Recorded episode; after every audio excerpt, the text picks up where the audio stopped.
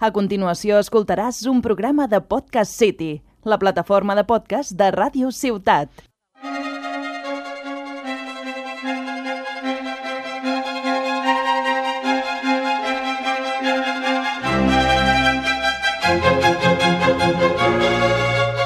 Entrevista a la vista amb Conrad Hortolà.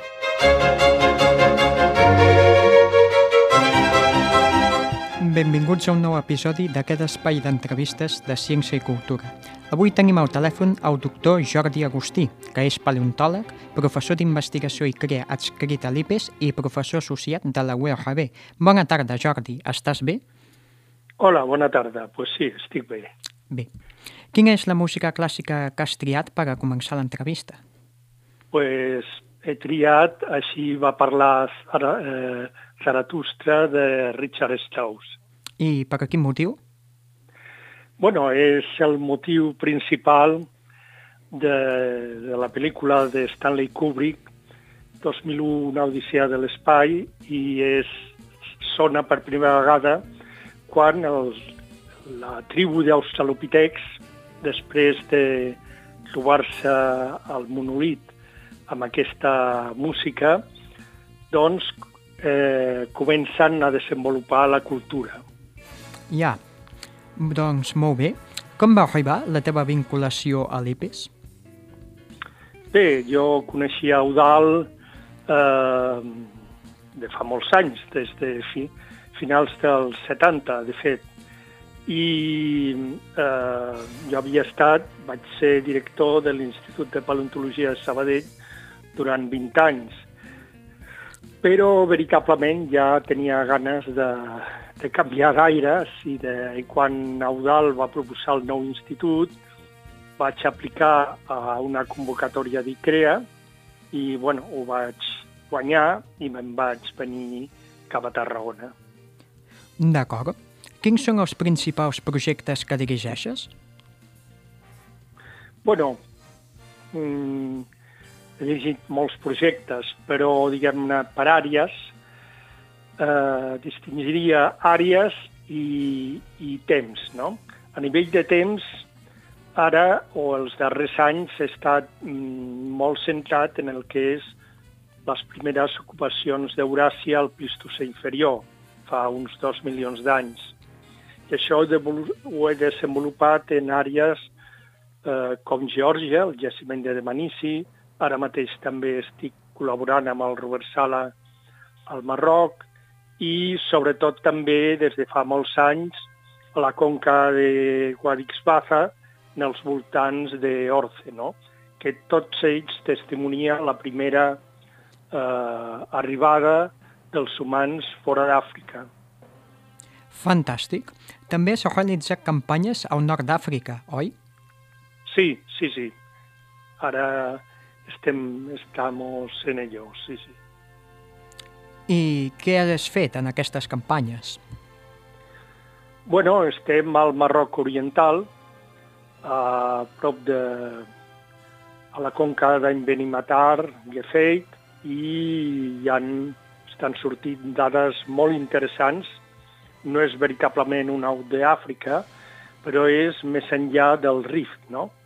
I tota aquesta zona aporta claus molt interessants de cara a la colonització del continent eurasiàtic també, per començar tot el debat que existeix d'una possible entrada directa a través de l'estret de, de Gibraltar. No?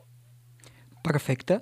I a Geòrgia formes part de l'equip internacional que excava el jaciment de Manici. Allà s'han trobat sí. restes humanes molt antigues. Sí, sí, sí. Sí, són les evidències tant anatòmiques com a nivell d'industrialítica més antigues d'homínids, d'hominins fora d'Àfrica. No? Jo fa molts anys, ja, bueno, des de finals dels 90, eh, que col·laboro amb els georgians, tenim molt bona sintonia i, evidentment, es tracta d'una zona privilegiada, no? perquè és el camí fora d'Àfrica i d'alguna manera la zona eh, de pas que vincula Àfrica tant en Europa com a Àsia, no? I va ser la primera escala d'aquests homínids que van sortir d'Àfrica. Entesos. En el teu parer, aquests humans són una espècie nova, l'Homo georgicus, o una subespècie nova de l'Homo erectus? Bé, en paleoantropologia jo penso que aquesta, igual que en biologia evolutiva actual o en zoologia, aquesta distinció mm, tan, mm, tan radical entre espècie i no espècie o dif espècies diferents eh, s'ha tancat d'alguna manera. La natura actual ja existeix fenòmens d'hibridació amb espècies que són diferents. Sense anar més lluny, els neandertals es van hibridar, o nosaltres ens vam hibridar amb els neandertals eh, i tenim un, entre un 2 i un 4% de gens neandertals. Això no vol dir que siguem la mateixa espècie.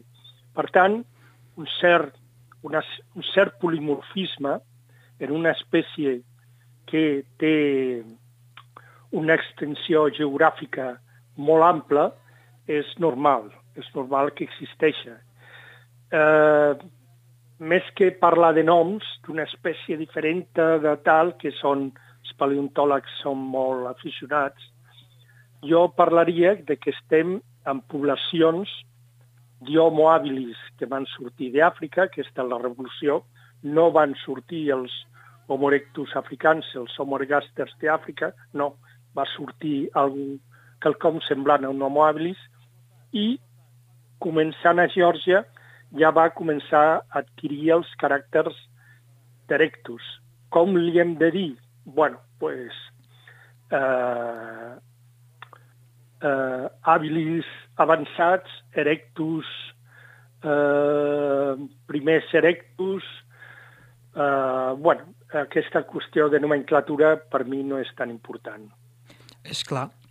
Per a quin motiu es produeixen les extincions en massa? Bueno, això vaig, vaig organitzar un debat fa en els 90 amb el meu amic, malauradament desaparegut, Jorge Wagensberg, eh, d'alguna manera que es va titular La lògica de les extincions, per veure si existia una lògica, és a dir, una causa comú de totes les extincions. Després de molts debats es veu ara que no, que cada extinció és particular en si mateixa.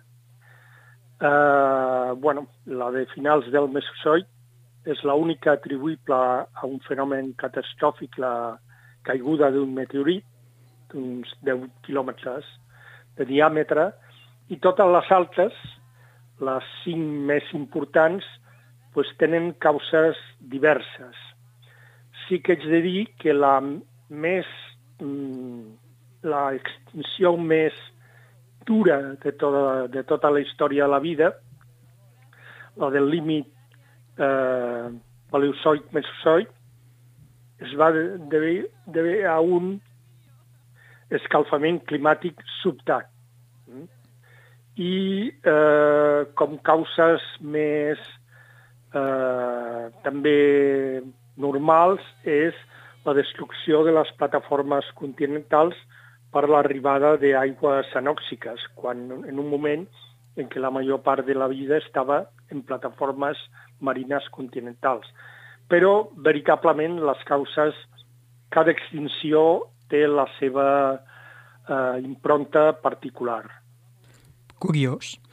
Tinc un dubte. Si fa 65 milions d'anys un meteorit va provocar una mena d'hivern nuclear, això no mataria tots els herbívors i de retruc tots els carnívors? Com va poder sobreviure cap grup?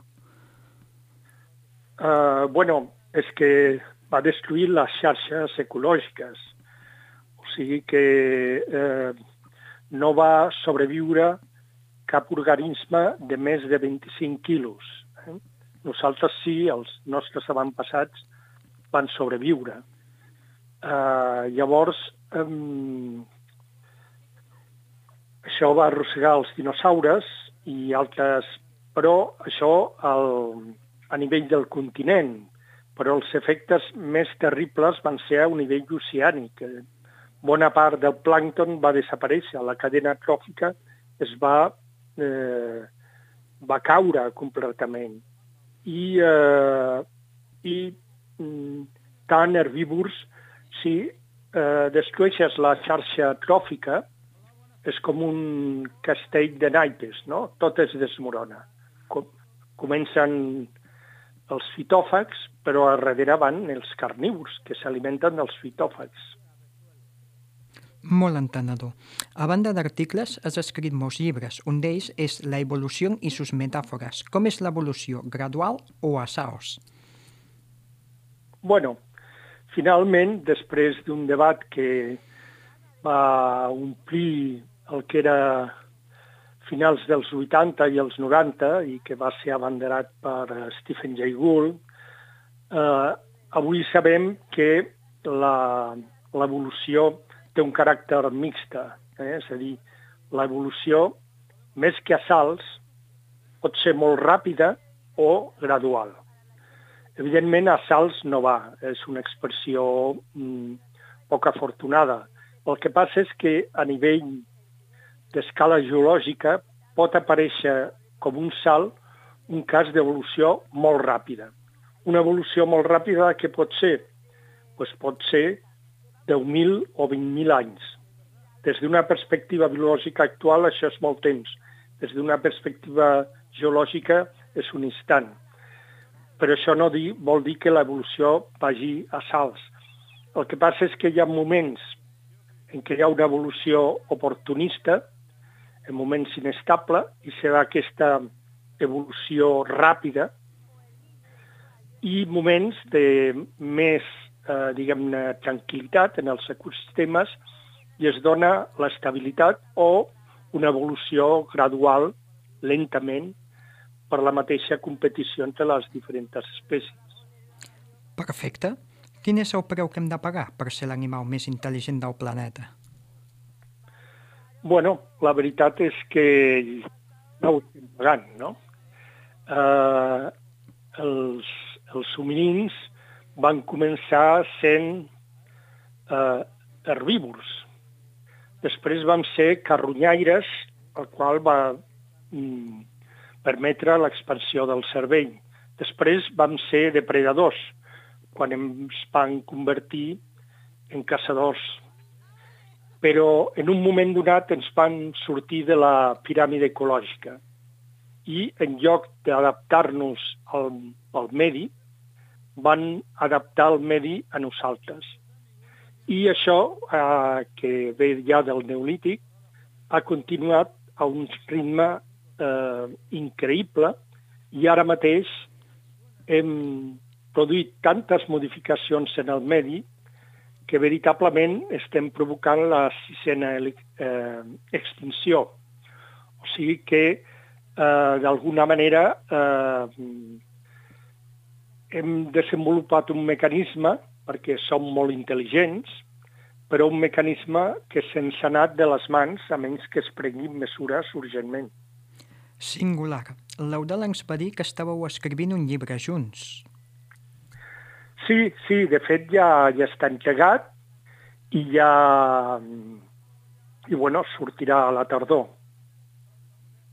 I de què va?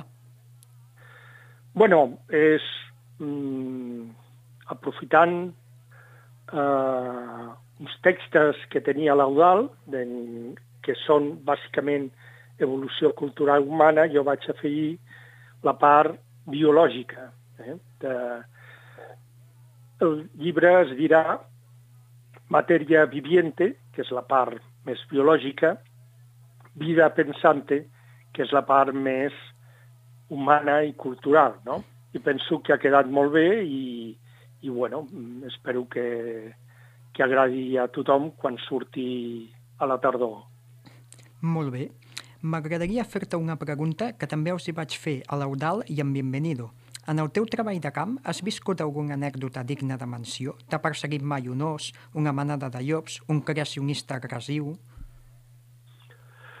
No, bueno, la, a Geòrgia, evidentment, podria esmentar tota la emoció de les troballes dels homínids que he participat gairebé en totes, no? La emoció, no? Deuria ser molt gran.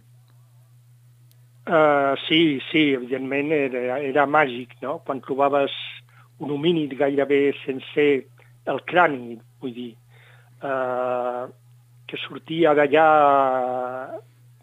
i això va passar durant diversos anys, cada any sortia un homínid nou, no? Això era, era increïble. Bueno, recordo el darrer homínid, el darrer crani, que va ser publicat no fa gaire, que, bueno, es va deixar allà netejant, netejant, netejant, i eh, s'anava a treure finalment, i estava la televisió georgiana, els medis de comunicació, etc. I allà l'equip estàvem al voltant, però el, el cel estava cada cop més tapat, més tapat, més tapat, pintava bastant malament.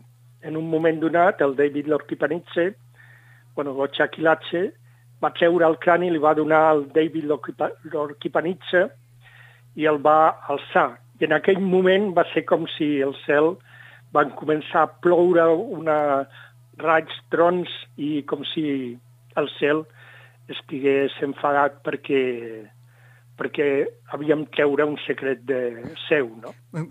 Com si sigués allò de la maledicció del faraó, no? Algo així, sí. Sí, sí.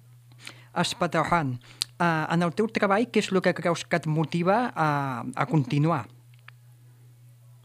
Bueno, mm, la veritat és que port, portes el virus a la sang i això jo el porto des dels set anys, o sigui que ja és molt difícil que, que aquest virus em puguin vacunar, no? O sigui que mentre tingui aquest virus, que durarà tota la vida, pues tiro endavant. Vols dir que si no tens aquest virus, metafòricament parlant, no, un no, no es veu capaç de fer això o creu que pot ser pesat? Bueno, jo crec que això és molt important a nivell vocacional. Sortosament, tots els meus alumnes han tingut aquest virus. Si no tens aquest virus, veritablement és difícil eh, continuar, no? sobretot ara, perquè eh, les condicions són difícils i has d'aguantar doncs, molts entrebancs i molts anys fins que eh, assoleixes una posició estabilitzada. No? Commovedor. I ja per acabar, la música moderna que has triat és... Show Must Go On. I per quin motiu l'has triat?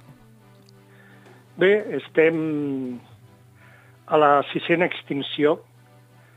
És alarmant el ritme de, de el ritme, sobretot la velocitat, no el nombre, però sí la velocitat eh, en què s'estan extingint espècies. I la meva, el meu missatge és eh, el darrer missatge de Freddie Mercury en Queen, quan va ell ja tenia el SIDA quan va composar aquesta canció, cançó eh, Show Must Go On. No? Per tant, en l'evolució de la vida, show must go on. Eh? Hem d'intentar que la vida, que òbviament tirarà endavant, però a nivell d'evolució, a nivell de la vida, show must go on. Ja veig. Doncs sentim-la més.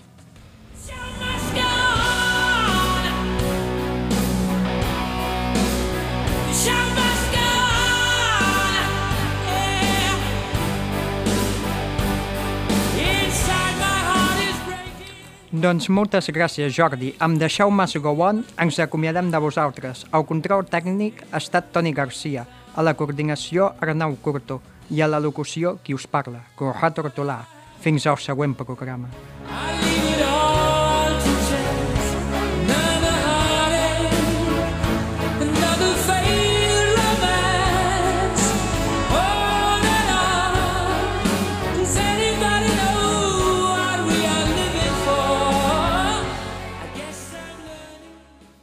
Has escoltat un programa de Podcast City, la plataforma de podcast de Ràdio Ciutat.